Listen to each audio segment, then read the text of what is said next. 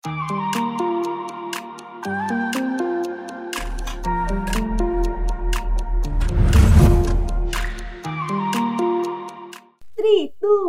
ons. Halo teman-teman semua, balik lagi di podcast Three Ons dan kali ini ada saya Nisa yang bakal nemenin pembicara atau bintang tamu kita hari ini. Nah, sebelum kita mulai, eh, aku mau ngasih tahu dulu bahwa kita bakalan ngebahas banyak banget nih di bidang bisnis, terus juga mungkin skincare atau hal lainnya. Jadi tetap pantengin terus podcast Three Ons. Nah, sebelumnya nih, sebelum kita masuk nih Pak, untuk ngobrol-ngobrol keren kita. Ya, eh, boleh nih Pak, kenalan dulu nih buat teman-teman semua. Bapak namanya siapa? Mungkin profesinya apa? Seperti itu. Oke, terima kasih ya Mbak Nisa ya tadi ya. Iya. namanya. Jadi memang benar kata pepatah lama ya, tak kenal maka tak sayang, maka lebih bagus kita kenalan biar kita lebih dekat lagi. Walaupun sekarang jarak kita cuma beberapa senti ya. iya, Pak. Oke, jadi eh, nama saya Era, profesi saya seorang dokter gigi. Nah, saya alumni dari Universitas Sumatera Utara kelas reguler. Kita tahu sendiri kampus-kampus kan ada mandiri, ada Iya. reguler, ada internasional. Jadi itu perlu saya sampaikan, saya kelas reguler yang telah masuk di FKG itu dengan eh, keberuntungan bisa melalui tahapan 30 ribu orang bisa tersingkir. Dan saya nggak bangga sih dengan itu, cuma menyampaikan saja. Eh, selanjutnya untuk memperkenalkan diri mungkin saya bisa menjelaskan bahwa sebelum saya di Jakarta ini saya sudah mengalami buana mengabdi di seluruh eh, hampir setengah ya wilayah Republik Indonesia pernah di perbatasan Malaysia pernah juga di bawah kaki Gunung Kerinci ya di daerah Jambi. Lalu akhirnya saya berlabuh di Pulau Jawa ini.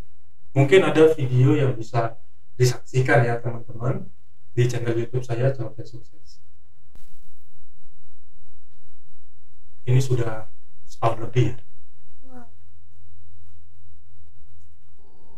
suaranya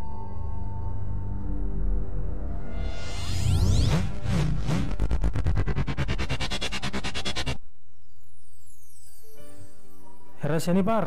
ini sebenarnya ada kata-katanya ya. Ya, itu di sini namaku. nggak? Beberapa orang memanggilku Bung Era.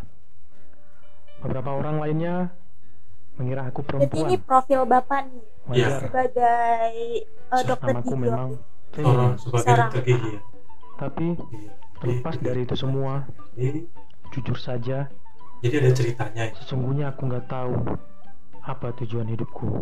ini saya waktu di Jambi ya. Oh, masih di Jambi nih ya, Pak ya? Satu dekade fotonya aku memutuskan untuk ikut saya santai program pulang dinas gigi PTT. ya keseharian dokter juga manusia ya Iya. Butuh refreshing ya, Pak ya? akan Iya. pun dimulai ini waktu di dari pedalaman Borneo perbatasan Malaysia ya Oh, berarti Hingga dari Jambi puncak baru ke perbatasan. Malaysia? Bukan, Negeri di sepucuk. Jambi, perbatasan dulu baru ke Jambi Oh, ya nggak beda jauh sih perbuatannya Semakin mencari, aku malah semakin ya kehilangan. ini waktu puskesmas keliling ini malam Tidak berpisah tahu arah, iya. sama warga ya seakan makan Hmm, Berarti garam. di sana Bapak tinggalnya Iya. bareng eh, warga sana iya. Bahwa di rumah warganya PTT, atau di rumah ada aku Oh, nggak ada. pernah menemukan di tujuan hidup. Soekarno Hatta Mm-mm. di Jambi yang lama ya sekarang sudah baru Iya. Tujuan hidup ini nggak dicari, eh, desanya tujuan hidup jauh ya Iya. diciptakan. itu ya Akhirnya dan pernikahan membuat aku mengerti tapi ada ceritanya sih Bahwa bisa lihat ya pertanyaan ya, sebenarnya di bukanlah apa tujuan hidupku, tapi. Untuk apa aku hidup. di Bandara Suenta Hmm. Aku ada untuk membuatmu mendengar. ya mungkin cukup sampai sini aja nanti bisa teman-teman nonton ya Iya. soalnya masih banyak eh, pertanyaan menarik yang Iya. dari wajah Mbak Iya, melihat cuplikan ini aja udah kayak banyak yang mau ditanyain nih, Pak nih. Iya, berarti secara garis besar Bapak ada seorang dokter gigi, ya dan eh, ke Jakarta kapan nih, Pak? kan tadi dilihat profilnya selalu di luar Jakarta. 2000 kita tuh kumpul 2016 tuh. 2016 baru balik lagi ke Jakarta. Jakarta lah Hmm. kumpul terus gak lama langsung membuat produk skincare-nya. Kalau produksi sekarang ini di tahun 2021 oh 2021 tapi proses perencanaannya 2019 oh di dari 2019 baru bisa launchingnya 2021 kan untuk rencana itu mungkin bisa ditanyakan Iya. Nah, gini nih Pak. Dari background Bapak kan sebagai dokter gigi. Sedangkan kadang kita berpikirnya dokter gigi prospeknya untuk membuat usaha ya klinik gigi gitu ya Pak ya, kurang lebih gitu. Tapi Bapak malah membuka sebuah eh, produk yang berbau kecantikan. Nah, itu kenapa sih Pak bisa arahnya ke skincare? Mungkin boleh diceritain Pak. jadi terima kasih ya Mbak Nisa.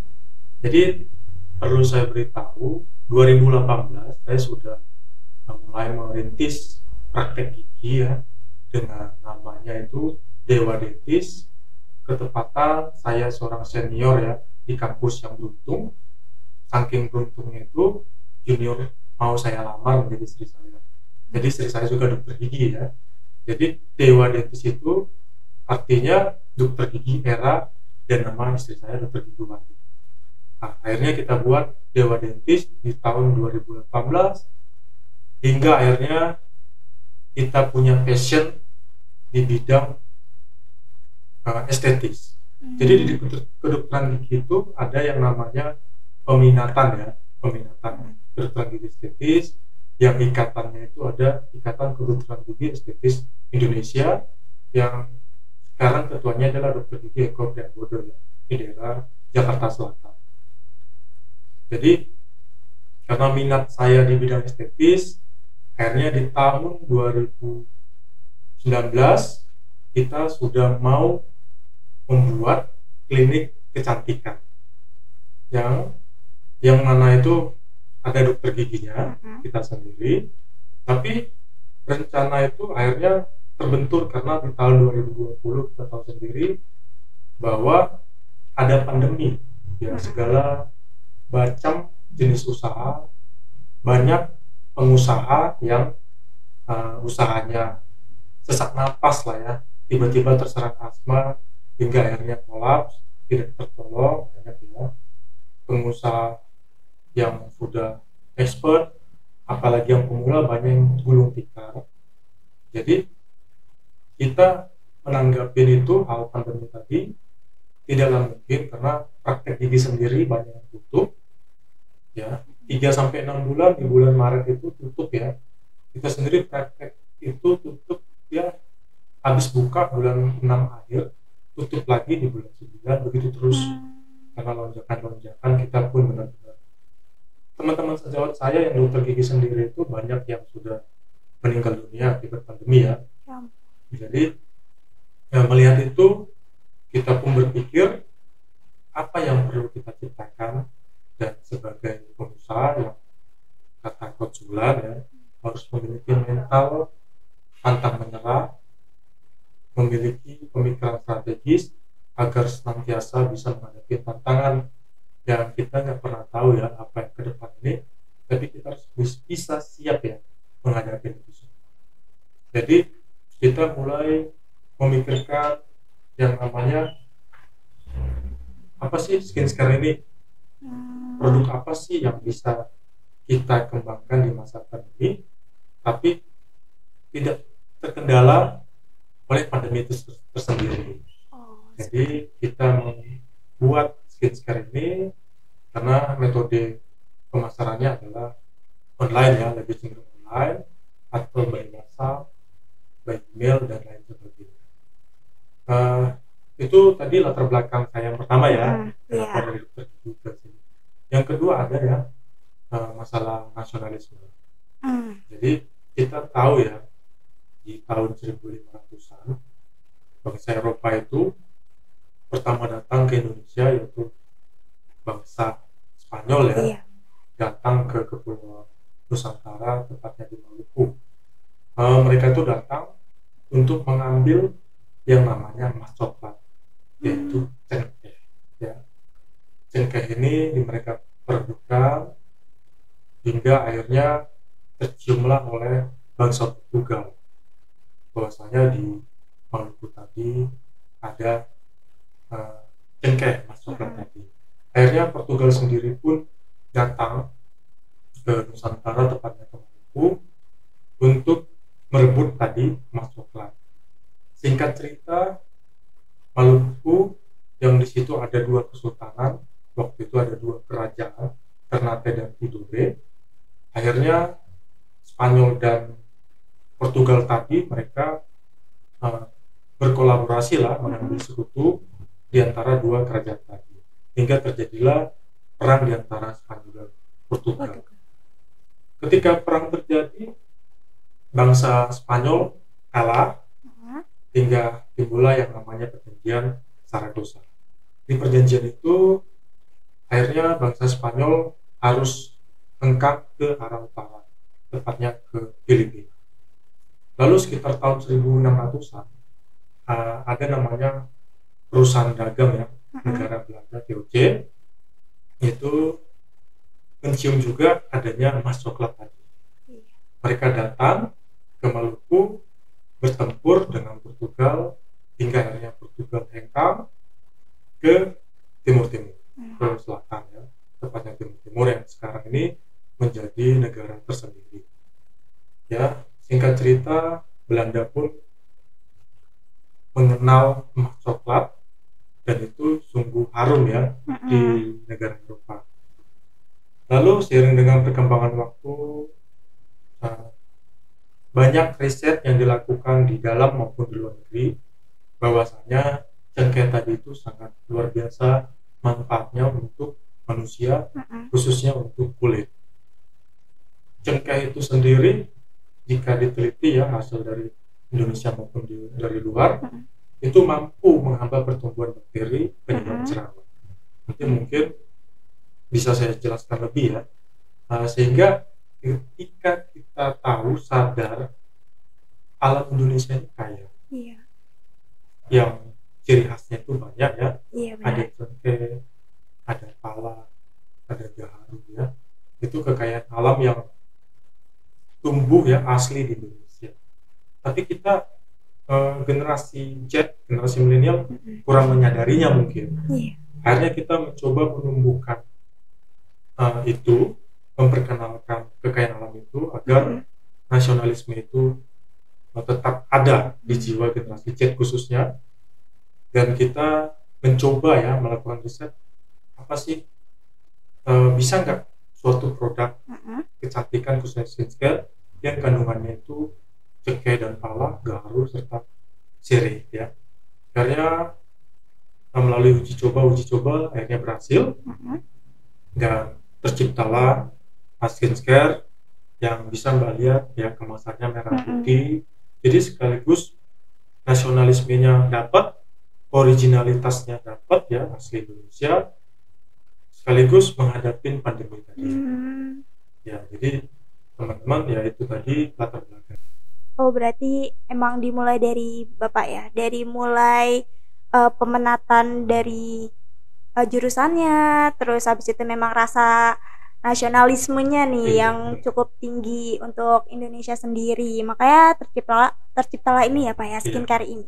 Nah kalau misalnya diomong-ngomong nih pak, kan eh, seperti yang tadi bapak udah singgung, banyak juga yang gagal nih buat bikin bisnis di tengah-tengah pandemi ya kan apalagi kan si Bell ini atau produk bapak ini ya terciptanya di tengah-tengah pandemi nah itu kenapa sih pak bapak bisa seyakin itu untuk bisa menciptakan produk ini karena uh, saya ingat ya uh, beberapa uh, buku yang saya baca Iya. itu mengatakan bahwasanya pengusaha itu yang nomor satu adalah mental ya. Mental. Mental.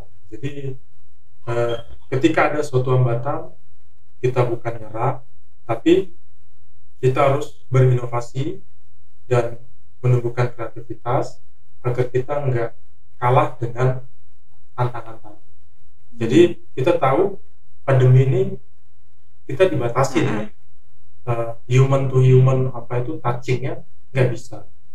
Tapi ada namanya teknologi. Mhm. Ya, teknologi itu eh, tanpa ada batasan tanpa ada waktu kita bisa berhubungan dengan orang. Jadi kita mengambil kesimpulan bahwasanya ya udah kita buat deh produk yang bisa eh, tidak kena dampak lah oleh pandemi ini. Kedokteran gigi sendiri atau saya sendiri eh, memiliki channel YouTube ya, itu untuk bisa mengedukasi sebenarnya biar saya tidak WFH beneran ya, Iya. tiduran beneran. Jadi itulah artinya kita harus benar-benar kreatif dan punya mental pengusaha yang tertanam di dalam jiwa kita.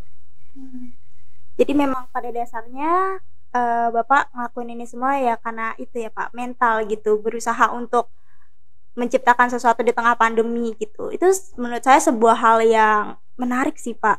Tapi di sisi lain nih Pak, saya penasaran. Kan ini dari produk-produk kayak cengkeh, pala seperti itu Pak. Nah, bagaimana Bapak bisa eh, berpikiran ke arah sana yang akhirnya jadi nih produk ini. Soalnya kan yang banyak kita tahu banyak nih apa ya eh, produk skincare yang mungkin dari zat-zat yang tidak baik gitu. Nah ini kan udah udah jelas gitu pak. Nah itu kenapa bapak bisa arahnya ke sana? Jadi eh, kembali lagi ya, karena profesi saya dokter gigi.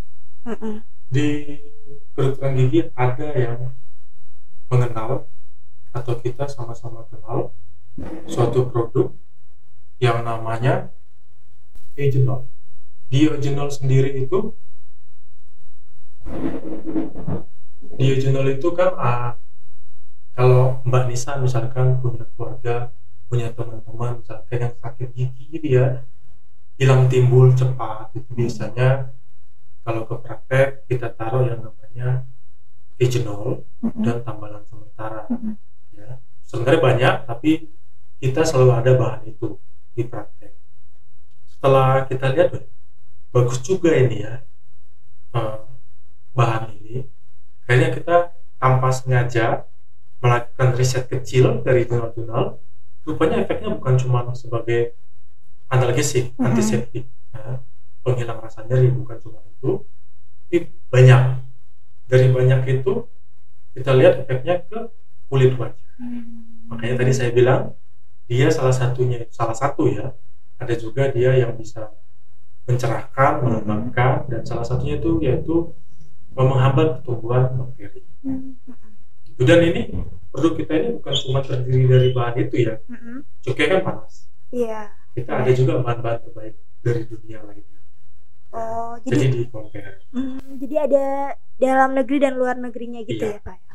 Oh ya mau dilihat nih pak kan eh, produk skincare banyak nih ya pak ya. Apalagi ketika eh, pandemi saat ini juga makin banyak gitu keluaran-keluaran produk skincare bahkan juga artis banyak yang ngeluarin dokter-dokter lain juga banyak yang ngeluarin nah peluang dari Zibel ini sendiri itu gimana pak di dunia peskincarean Nah, kalau bicara peluang ya, karena saya seorang dokter gigi, jadi saya bicara memakai data ya, Mbak ya. Iya. Nah, jumlah penduduk Indonesia dari apa sensus tahun 2020 itu adalah sebanyak lebih kurang 270 juta jiwa, di mana 134 juta jiwa itu lebih kurang adalah perempuan. Dari 134 jiwa tadi itu kalau kita lihat lagi dari hasil sensus usia 20 sampai 34 tahun itu sebanyak lebih kurang 65 juta jiwa itu 65 setengah 5 juta jiwa itu adalah perempuan ya itu sangat luar biasa ya jadi itu suatu peluang yang berikutnya kita lihat generasi Z dan generasi milenial itu mendominasi Mm-mm. saat ini. Nah, maksudnya generasi Z kita yang sudah sadar ya akan penggunaan teknologi. Ya sejalan dengan bagaimana kita memarketingkan produk kita ya secara memanfaatkan teknologi.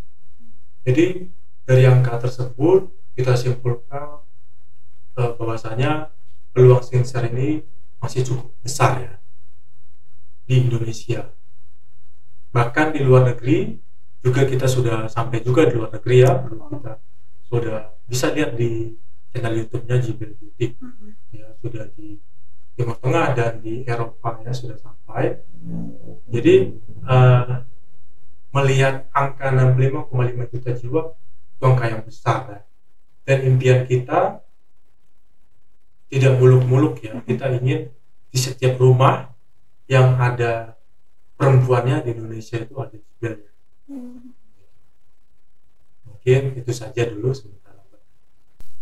Oh iya, berarti emang dasarnya ya emang dari penelitian ya Pak ya, dari data-data research Bapak yang akhirnya keluar nih Zibel ini. Benar. Nah, nah, kan di tengah pandemi, apalagi kan tadi Bapak bilang nih nyinggung juga tentang teknologi. Nah, strateginya Bapak dalam memasarkan Zibel ini gimana? Apalagi kan pada awalnya pasti Zibel masih kategori produk baru gitu. Kalau bicara strategi sebenarnya itu oh, internal ya, internal, Oh, internal. perusahaan. Cuman eh, strateginya secara garis besar adalah memanfaatkan teknologi. Ya istilah zaman sekarang ini saya pakai istilah generasi Z yaitu digital marketing. Oh, jadi mengelola digital marketingnya ya Pak ya. Nah, Berarti eh, Zibel ini punya akun apa aja nih Pak di media sosial? di media sosial ada apa? Instagram, Instagram. ada YouTube, Mm-mm. ada Facebook, ada Twitter. Ya mungkin itu saja. Ada website satu lagi. Oh ada websitenya juga. Nah websitenya itu buat melihat produknya kesa- apa secara keseluruhan atau sekaligus untuk membuli juga Pak? Eh, secara keseluruhan sekaligus ada produknya. Oh. Jadi bisa juga ya beli di website, bisa Mm-mm. juga di marketplace. Oh jadi di marketplace juga Ada. dijual ada juga. Iya, Hmm, semua marketplace nih Pak kayak Shopee, Iya, Tokopedia gitu. Semua marketplace ada. Wah, ya. Eh, mau nanya ini juga sih Pak. Eh, kan Zibel ini adalah produk baru ya Pak ya. Iya. Maksudnya ka- tadi kita udah juga sempat ngobrol di belakang kalau nanti tanggal 9 Zibel ini baru satu tahun. Iya. Iya, nah itu omset dari Zibel ini selama dia berdiri atau terjualnya itu bagaimana Pak? Mungkin. Sejak berdiri ya, itu omsetnya lumayan ya. Jadi kadang lurus, Mm-mm. kadang naik. Hmm. Jadi ya nggak turun lah. Alhamdulillah dia lurus naik, baru lurus lagi Oh, jadi grafiknya. jadi seenggaknya masih stabil lah ya Pak ya. Eh, ya lumayan stabil. Ya namanya produk baru ya, Mm-mm. banyak tantangan. Jadi saya berterima kasih ya kepada tim ARA yang sudah mengundang. Jadi sekaligus bisa memperkenalkan produk Jibel ini ya lebih luas lagi. Terus terang eh, kita sudah cukup setahun ini sudah cukup banyak ya eh, memperkenalkan produk Jibel dengan segala upaya kita kerahkan. Tapi yaitu tadi saya sangat senang diundang ARA untuk pagi ini bisa bertemu dengan Mbak Nisa dan teman-teman yang lain ya. Iya Pak, kami juga senang banget Bapak bisa datang ke sini berbagi banyak hal. Nah, tapi nih Pak, sebelumnya eh Zibel ini tuh mengeluarkan apa aja sih Pak? Kan biasanya kalau skincare ada toner, terus juga ada yang apa krim-krimnya. Nah, ini apa aja Zibel? Jibel ini sementara ya Heeh. ada tiga produk. Hmm. Yang pertama adalah Acne Buster Lotion, Heeh. Eh, namanya ngeri ya, kayak film ada Ghostbuster ya, Iya, Ghostbuster. pembasmi hantu. Ini Acne Buster, pembasmi jerawat. Yang, yang mana kandungannya tadi cengkeh dan pala salah Hmm. satunya ya, dan lain-lain lah. Mungkin yang lain-lain ini sudah banyak lah di produk lain. Heeh. Jadi kita pertama di Indonesia ya yang kandungan skincare-nya itu mengandung cengkeh dan pala. Lalu kita yang pertama juga yang berani mengambil atau membuat slogan tiga hari ada perubahan. Buktikan. Ya kalau kita lihat eh, di brosurnya ada terbukti dalam tiga hari. Jadi itu sih keistimewaan kita yang kita jual ya. Untuk jenis kulitnya ya bisa ke mana-mana. gitu Oh, bisa jadi ke semua jenis kulit Hmm. ya. Yang produk berikutnya Vital Basic Essence ya. Namanya Vital, Vital itu kayak organ vital jantung ya. Heeh. Organ vital itu otak. Jadi memang penting ya. Terus basic dasar. Ibarat suatu bangunan kalau basicnya nggak ada nggak bisa naik. Jadi dari semuanya itu harus ada yang namanya vital basic. inilah dia kita basic essence yang kandungannya itu eh, Mbak Nisa ini mungkin tahu ya pelajaran dulu. SD ya kayu termahal. Asli Indonesia itu kayu gaharu. Jadi kita basic essence mengandung ekstrak gaharu. Gaharu. Ya, dan lain-lain seperti saya sebut saja ya yang terkenal dari Korea kan snail Mm-mm. ya. lalu yang di Amerika ada glutathione Mm-mm. di Eropa ada kolagen jadi kita kombinasi itu dan lain-lain ya masih banyak lagi. Nah yang jelas kalau ingin detail nanti bisa beli ya. Selanjutnya yang ketiga Asia luas ya. Namanya Piper Battle Cleanser and Mask Piper Battle itu bahasa Latin ya yang artinya daun sirih Hmm. Cleanser and Mask itu bahasa Inggris Mm-mm. ya pembersih dan masker jadi dia satu produk dua fungsi Satu produk dua fungsi. Iya. Itu yang ini Pak, yang kecil. yang besar yang Oh, yang besar. paling besar. iya yang Hmm. besarnya ya Baik. jadi dia ini bisa membersihkan wajah tapi kalau kita pertahankan dibiarkan dia bisa menjadi masker Hmm. Nah, saya saya kira belum banyak ya masyarakat Indonesia yang mengenal satu produk dua manfaat. Kita sering eh, membeli produk untuk pembersih, produk untuk masker, ya jadi agak ribet. Kita siapkan satu ya, karena generasi Z dan milenial ini cenderung yang instan ya, Iya, yang simple gitu, simple sih tepatnya Mm-mm. simple ya. Jadi satu produk dua fungsi luar biasa, mereka pasti tertarik ya berdasarkan data yang tadi. Iya, berdasarkan riset lagi ya Pak ya. Iya. Jadi semua memang berdasarkan riset. Nah, eh, mau nanya nih Pak, tadi kan kalau ngomongin omset, tadi kata Bapak lurus, terus naik, terus lurus lagi. Itu kan berarti secara tidak langsung dari kenaikan ada sedikit penurunan nih Pak, walaupun balik lagi ke Iya. ranah lurus. Nah, itu gimana sih Pak antisipasinya gitu? Kan biasanya banyak yang udah langsung drop, ngedown. Nah, kalau dari Bapak sendiri itu gimana? Jadi ada sebuah buku ya yang saya baca mengatakan bahwasanya dari 100 perusahaan yang berdiri misalkan di tahun yang sama sebanyak 90% di tahun kedua itu habis hancur ya. Habis. Lalu di tahun kelima yang sisanya 10 tadi itu sebanyak 70% hilang. Jadi eh, pertanyaan Mbak Nisa ini sangat bagus ya.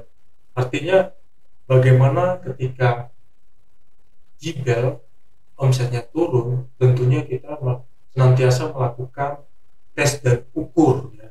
Hmm. Ketika kita melakukan strategi yang A, itu bagaimana sih dampaknya? Kita cepat-cepat langsung merubah jika memang dampaknya kurang signifikan Hmm. terhadap semua lah ya cash flow. Lalu kita masuk ke strategi yang lain dengan suasana yang beda. Kita tahu ya waktu di tahun 2020 sampai 2021 bahkan kemarin gelombang ketiga ya di akhir tahun ya 2021 bulan 7 atau bulan 6 ya itu kita tahu sendiri itu sungguh luar biasa ya eh, berakibat usaha-usaha itu bisa turun lagi jadi kita senantiasa melakukan inovasi lah terhadap strategi yang kita ambil dan melakukan tes dan ukur Hmm, jadi memang antisipasinya pakai tes dan ukur, terus juga bikin inovasi lagi ya Pak ya Iya. dalam memasarkannya. Iya, nah di sisi lain nih Pak, eh, kan banyak nih produk tadi skincare. Nah, apa sih yang ngebedain Zibel nih sama skincare skincare lain gitu? Oke, itu pertanyaan sangat bagus ya. Itu sama kayak ini. Saya bertanya ke Mbak Nisa. Nah, misalkan nama Mbak Nisa ini di Indonesia kalau kita data ada 10.000 orang yang bernama Nisa. Kalau ditanya apa bedanya Nisa yang di depan saya dengan Nisa Nisa yang lain, puluhan ribu yang lain, itu tentu bisa saya katakan Nisa yang depan saya ini cantik, suaranya renyah, ramah, mudah senyum. Jadi eh, artinya kita harus kenal dulu produk kita ini Jibel ini apa sih bedanya? Eh, pertama nama ya Jibel. Jibel itu berasal dari dua ya, dua kata Z dan Bele. Kalau kita eja ya, bacanya Bel. Jadi Z itu artinya bercahaya, Hmm. Bel itu artinya cantik. jadi jibel itu artinya bercahaya dan cantik sesuai dengan impian ya kebanyakan perempuan Indonesia Hmm. pada khususnya ya atau kebanyakan orang Indonesia pada umumnya. Jadi impian kita adalah tuh memiliki kulit yang bercahaya atau glowing ya istilah generasi Z zaman sekarang dan juga cantik. Cantik itu enggak cantik secara eh, apa ya pengertian yang umum, tapi cantik itu sehat, Mm-mm. ya enak dilihat, eh, jerawatnya ya bisa minimal lah gitu seperti wajah Nisa ya yang tidak berjerawat. Mungkin Mbak Nisa pernah pakai jibel ya makanya mulus. Jadi eh, selain de- definisi dari arti jibel ya, juga saya mau mengatakan varian-varian produk tadi. Tadi ada tiga ya, Butter Lotion, Vital Discussion, dan Battle Cleanser Mask. Ya tadi komposisinya sudah saya jelaskan dan keistimewaannya itu kenapa ya berbeda apa keunggulannya kita yang pertama ya.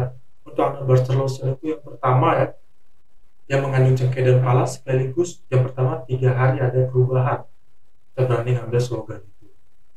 Yang kedua Vital Desiccation kandungannya itu kita tahu ya produk-produk dari luar ya import ada glutathione, kolagen, ada D3 dan lain sebagainya.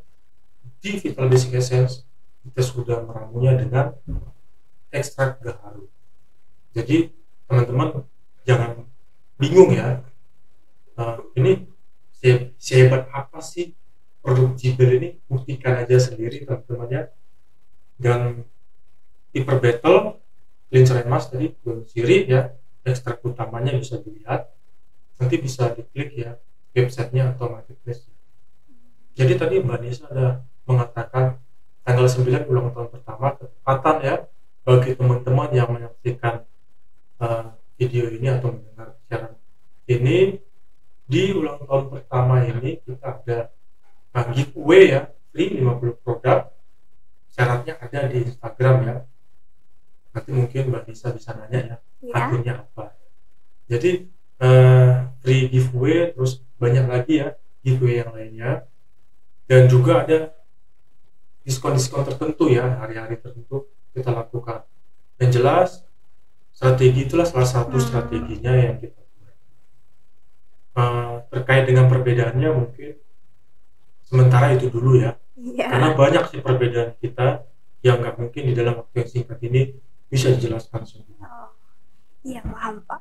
Nah karena kan Zibel ini termasuk baru, tapi ternyata udah bisa masuk ke ranah luar Indonesia gitu pak. Nah itu gimana sih pak? Biasanya kan banyak ya orang yang penasaran juga kan hal itu. Nah mungkin boleh nih pak sharing dikit. Iya, jadi eh, strategi kita itu ada yang dikatakan eh, brand-brand tertentu ya, ada buku yang mengatakan brand-brand tertentu itu dia cenderung enggak di dalam negeri dulu, tapi di luar negeri dulu, tapi asli Indonesia. Dia tidak usah menyebutkan nama brandnya. Jadi kita kombinasi strategi mereka se- sekaligus kombinasi strategi brand yang sudah maju di Indonesia sendiri. Jadi kita tetap mencampur strategi mana yang bagus. Hmm, seperti itu. Jadi memang pada dasarnya itu juga salah satu strategi ya Pak ya. Iya. Tapi eh, kan Zibel ini masuk ke luar negeri Iya. itu ya Pak ya. Apakah peminatnya juga cukup besar seperti di Indonesia atau bagaimana Pak? Bicara peminat sih eh, kita ada kendala ya akibat mahalnya. Kita tahu ya waktu pandemi kemarin untuk ekspor itu mahal ya Iya, karena kontainer itu sudah susah ya ditemuin ya. Nah, jadi akhirnya ketika kita ada satu kalau tidak salah itu tahun lalu dari negara Spanyol akhirnya terkendala karena eh, biayanya itu sungguh-sungguh mahal dan kita lakukan negosiasi juga tidak masuk. Jadi artinya kenapa bisa terjadi eh, diskusi yang tadi saya katakan berarti peminatnya perkiraan mereka dari sana dari luar itu ada. Tapi karena belum cocok harga jadi terkendala sampai sekarang kita lihat ya apakah ada ya bantuan dari eh, stakeholder lah bisa kita nyatakan yang bisa membantu UMKM kita bisa bangkit. Karena terus terang uh, Mbak Nisa lihat sendiri kemasan kita saja sudah merah putih ya Iya. jadi benar-benar Indonesianya kita jual mungkin itu saja Berarti Bapak untuk ranah internasional itu masih menggunakan ini ya Pak ya, apa eh, e-commerce. Berarti bukan bukan di sana ada resellernya atau bagaimana? bukan Hmm. e-commerce Jadi benar-benar masih Bapak yang handle gitu ya dari Jakarta Iya, untuk benar. proses ekspornya gitu. Oh, seperti itu. Iya, Pak. Kalau misalnya ditanya lagi nih, Pak, untuk masalah Zibel ini sendiri. Kan dia bisa dibilang masih satu tahun ya, Pak ya. Masih terbilang baru. Gitu. Nah, peminatnya di Indonesia sendiri itu sebagaimana, Pak? Kan tadi kita udah bahas yang internasional ya. Nah, bagaimana untuk Indonesianya itu sendiri? peminat di Indonesia ini eh, belum signifikan saya katakan karena kita tahu sendiri bahwasanya banyak brand-brand lokal ya Mm-mm. yang sudah duluan lahir otomatis mereka sudah lebih merakyat ya saya eh, pakai istilah kampanye ya lebih merakyat Mm-mm. jadi bagaimana biar Jibel ini bisa lebih eh, mengindonesia atau lebih merakyat di Nusantara ini ya mungkin nih yang saya lakukan sekarang salah satu upayanya ya. Mungkin nanti saya harapkan banyak yang menonton yang mendengar bahwasanya ada nih produk Jibel ini yang kandungannya itu khas Indonesia.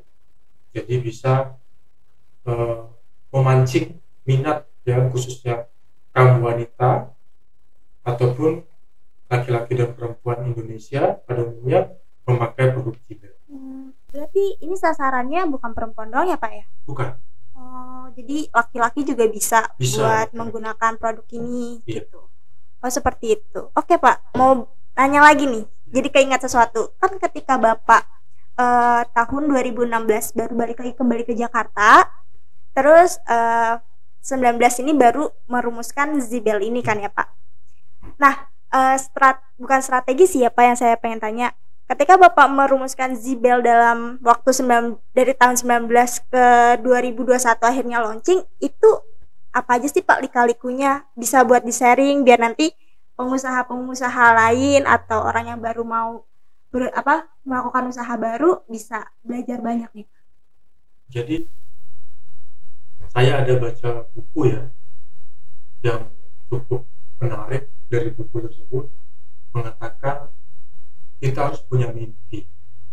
Jadi seperti saya katakan tadi di awal mimpi saya itu dan tim Jibel yang Hmm. pada umumnya makanya Jibel yang lahir memiliki klinik estetis. Karena saya lebih minat di estetis. Di mana klinik kecantikan tadi itu ada dokter giginya sekaligus ada dokter kulit. Dan karena adanya pandemi maka itu nggak bisa terwujud ya banyak halangan-halangan ya praktek gigi saya sendiri saya tadi belum sempat cerita itu setengah pegawai saya saya apa rumahkan karena Hmm. dari dua praktek yang saya rintis satu harus tutup Hmm. yang satu kita paksa bertahan Mhm. agar ada ini ya ada cash flow tentunya lalu selain mimpi kita ada ya konsistensi sih kita mewujudkan Mhm. mimpi tadi ya bagaimana strateginya apa yang kita lakukan ya agar uh, produk ini bisa lahir itu banyak kalau bicara suka duka ya lika-likunya termasuk juga di dalamnya suka duka ya Mhm. suka duka itu ya ini saya orangnya ini suka tantangan ya Hmm. khususnya tantangan itu di dalam hal menyatukan visi dan misi Mhm. antara kita dengan anggota kita jadi eh, dari visi misi tadi kan harus sejalan Mhm. itu sangat susah ya Hmm. belum lagi tantangan saya harus belajar ilmu-ilmu baru Mhm. yaitu banyak ya yang tadi saya bilang digital Iya. marketing saya harus mengikuti pelajaran-pelajaran yang begitu ya yang dulunya di zaman saya kuliah belum ada ya. Cuma adanya Friendster. Gitu Iya. ya, Friendster ya. Facebook sendiri belum kenal ya seperti sekarang. Lalu eh, dukanya itu saya harus mengurangi waktu bersama keluarga. Hmm. saya istri saya sekarang seperti handphone. Jadi dikit-dikit handphone dikit-dikit handphone gitu ya melihat perkembangannya Mm-mm. ada untuk macam begini sih saya cukup senang ya ketemu dengan Mbak Nisa saya harus lihat handphone nih oh iya hari ini ketemu dengan Mbak Nisa dari HRK mungkin itu Mbak Hmm, Jadi memang banyak ya di sisi lain pasti juga harus berpikir atau belajar banyak hal juga ya Pak ya. Iya. Apalagi di digital marketing yang di luar dari job desk Bapak Iya. selaku dokter terus harus belajar hal yang berbeda. Iya. Susah nggak Pak untuk kayak gitu? Eh, jujurnya sih saya suka tantangan jadi susah Hmm. itu bisa saya lompatin terus terang eh, saya itu nggak tahu namanya Google Ads saya nggak tahu nama Facebook Ads Nah, saya nggak tahu namanya iklan di marketplace Hmm. tapi itu semuanya harus saya pelajari dan saya kuasain hmm, nah sebelum eh, ini semuanya bisa begini ya saya harus mempersiapkan diri untuk hal-hal tersebut. Ya berarti ternyata banyak banget ya persiapan untuk membangun sebuah usaha Iya. ya dari nol Zibel tapi memang pada dasarnya bapak baru ba- apa bikin usaha yang dokter gigi sama ini Zibel ini ya pak? Ya berarti ada juga usaha-usaha beberapa usaha yang sudah tutup ya. Sekarang juga ada usaha yang kita mendirikan PT bersama teman ada juga ya. jadi ya nggak harus nggak cuman ini ya usaha Mm-mm. kita. Yang tutup juga ada. Usaha kuliner saya sudah tutup ya. Di oh. ada dua ya usaha kuliner saya tutup ya. Itulah tantangannya.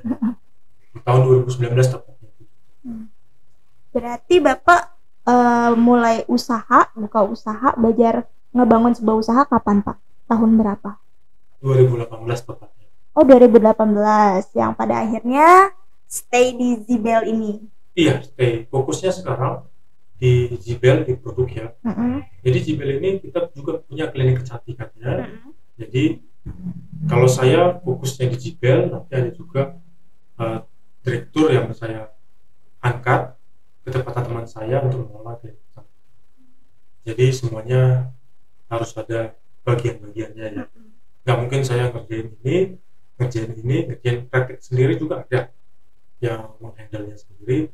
Walaupun sifat saya di usaha-usaha saya itu cuma supervisi lah sama mengasih uh, brainstorming ya. Supaya satu visi lurus sampai ke depan. Visi kita yaitu tadi gimana Jibel ini mampu membuat semua kulit wajah orang Indonesia itu Bercahaya. cantik Berarti Zibel ini dari bahasa ini apa ya Prancis ya?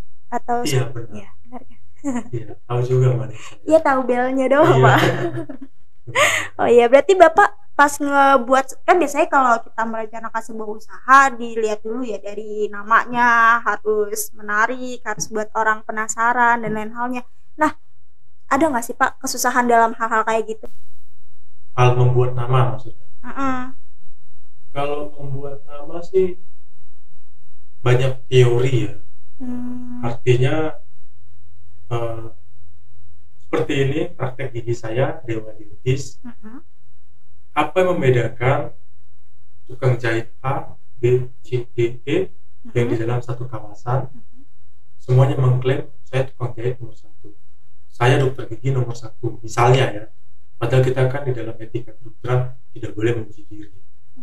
Akhirnya kita buat itu sebagai dewa kita dewanya padahal dewa itu bukan dewa secara yang pengertian masyarakat tapi dokter gigi era dan istri saya Nah, itu. akhirnya kita membuat itu begitu juga Jibel pemilihan namanya ini sesuai dengan eh, tren dunia kecantikan itu adalah negara Prancis Prancis.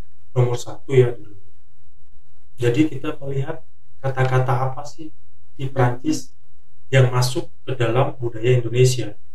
Artinya maksudnya cantik masuk Mm-mm. percaya masuk glowing ya sekarang. Akhirnya kita coba meng-create Belgi nggak mungkin akhirnya Jibel. Akhirnya Jibel ini uh, simple tapi padat ya. Mm-mm. gitu. Mungkin itu sih mbak.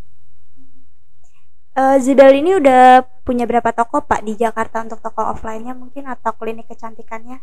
Kalau klinik kecantikannya itu di Indonesia masih satu kalau toko offline-nya itu kita tidak ada karena betul-betul online Online semuanya ya. Hmm, berarti sistem semuanya online ya Pak ya? Iya, mungkin lebih cocoknya dibilang kantornya Oh, kantornya kantornya. ada Mbak.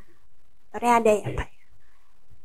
Seperti itu. Nah, mungkin gini sih Pak, Eh, apa sih Pak yang kan tadi kan salah satunya Zibel ini teringat dari sejarah ya Pak ya, cengkeh, pala yang mau diambil sama penjajah dan akhirnya Bapak juga membuat sebuah sebuah apa ya produk dari hasil Indonesia itu sendiri. Nah mungkin Bapak ada nggak sih Pak bayangan atau keing- keinginan Bapak eh, anak-anak muda saat ini gimana biar biar punya rasa nasionalisme juga kayak gitu sih Pak? Ada nggak Pak? Eh, melalui produk ini maksudnya atau gimana Iya, misalnya kan mereka mau mau bikin usaha juga nih misalnya Pak. Nah iya biar biar hal-hal kayak gitu ada di diri mereka masing-masing. Menurut Bapak kayak gimana? berusaha sekaligus menumbuhkan nasionalisme Oh, itu maksudnya jadi pertama kita harus menanamkan di dalam diri kita itu khususnya generasi Z dan milenial adalah rasa nasionalisme ketika kita mencintai sesuatu ibarat nih Mbak Nisa mencintai seorang pria tentu eh, gunung yang tinggi akan didaki kan mm-mm. samudra yang luas dan dalam akan diseberangi jadi ketika kita benar-benar cinta sama Indonesia, tentu kita memikirkan misalkan dia passionnya kuliner, ya panggilan hatinya itu di usaha kuliner, mungkin dia bisa menaikkan produk misalkan rendang, ya kan khas Indonesia ya. Iya rendang. Nah, terus produk dari Manado misalkan rica-rica ya Mm-mm. itu dikembangkan jika rendang taunya kita nggak ada kemasan bisa dibuat kemasannya Mm-mm. itu kan cukup unik ya Iya. memperkenalkan Indonesia keluar gitu. ada juga kerupuk-kerupuk jamu Mm-mm. yang bisa di packing sedemikian bisa ekspor dan produk kita sendiri ini sudah BPOM halal ya dan lulus uji dermatologis dari Thailand Oh, dari Thailand. Iya. Hmm. Thailand sendiri kan Pak, ah, is, uh, trennya pusat tren dari apa kecantikan di Asia. Tenggara. benar. Oh berarti sudah sudah dapat ininya ya Pak ya istilahnya standar kecantikan dari Thailandnya itu sudah, sendiri. sudah uji Hmm. tes dermatologis. Keren. Em, mungkin ada nggak sih Pak tips-tips buat teman-teman semua gitu yang baru bikin usaha? Tips-tips untuk Iya. bikin usaha Ah, ah, ah, ah. untuk teman-teman. Ya. Jadi tipsnya tadi ya saya ingat kata almarhum Bob Sadino ya. Jangan pernah banyak alasan ya. Uh, saya nggak punya modal ya katanya. Saya nggak punya modal gimana usaha. Sekarang ditanya coba kakinya dijual mau nggak berapa juta? Hah, nggak mau. 500 juta mau nggak? Saya tawarin. Biar mau. Satu M mau nggak? Nggak mau. Itu sudah modal. Artinya usaha-usaha saja buka terus. Ya banyak-banyak berdoa ya. Ya semoga Tuhan membantu kita. Karena ketika niat kita baik tentu yang datang. Oke Pak, mungkin karena waktunya sudah panjang nih ya Iya, Pak ya, iya. kita terbatas waktu juga. Padahal banyak banget yang masih pengen saya tanyain.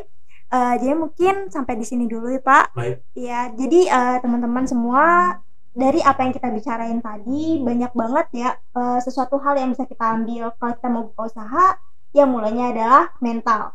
Terus kita juga harus punya mimpi yang tinggi dan juga ha, jangan pantang menyerah ya Pak ya kayak gitu. Nah nanti buat teman-teman semua yang mau eh, ikut giveaway-nya dari Zibel bisa langsung follow akun Instagramnya aja. Eh, dan juga buat teman-teman semua jangan lupa buat tonton terus episode-episode dari Trions Dan jangan lupa eh, buat subscribe, like, dan komen juga ya. Dan share ke teman-teman kalian kalau misalnya ada konten-konten baru dari kita. Nah, terima kasih banyak Pak untuk Ya, sama-sama. kesempatannya hari ini. Dan sampai jumpa semuanya. Dah.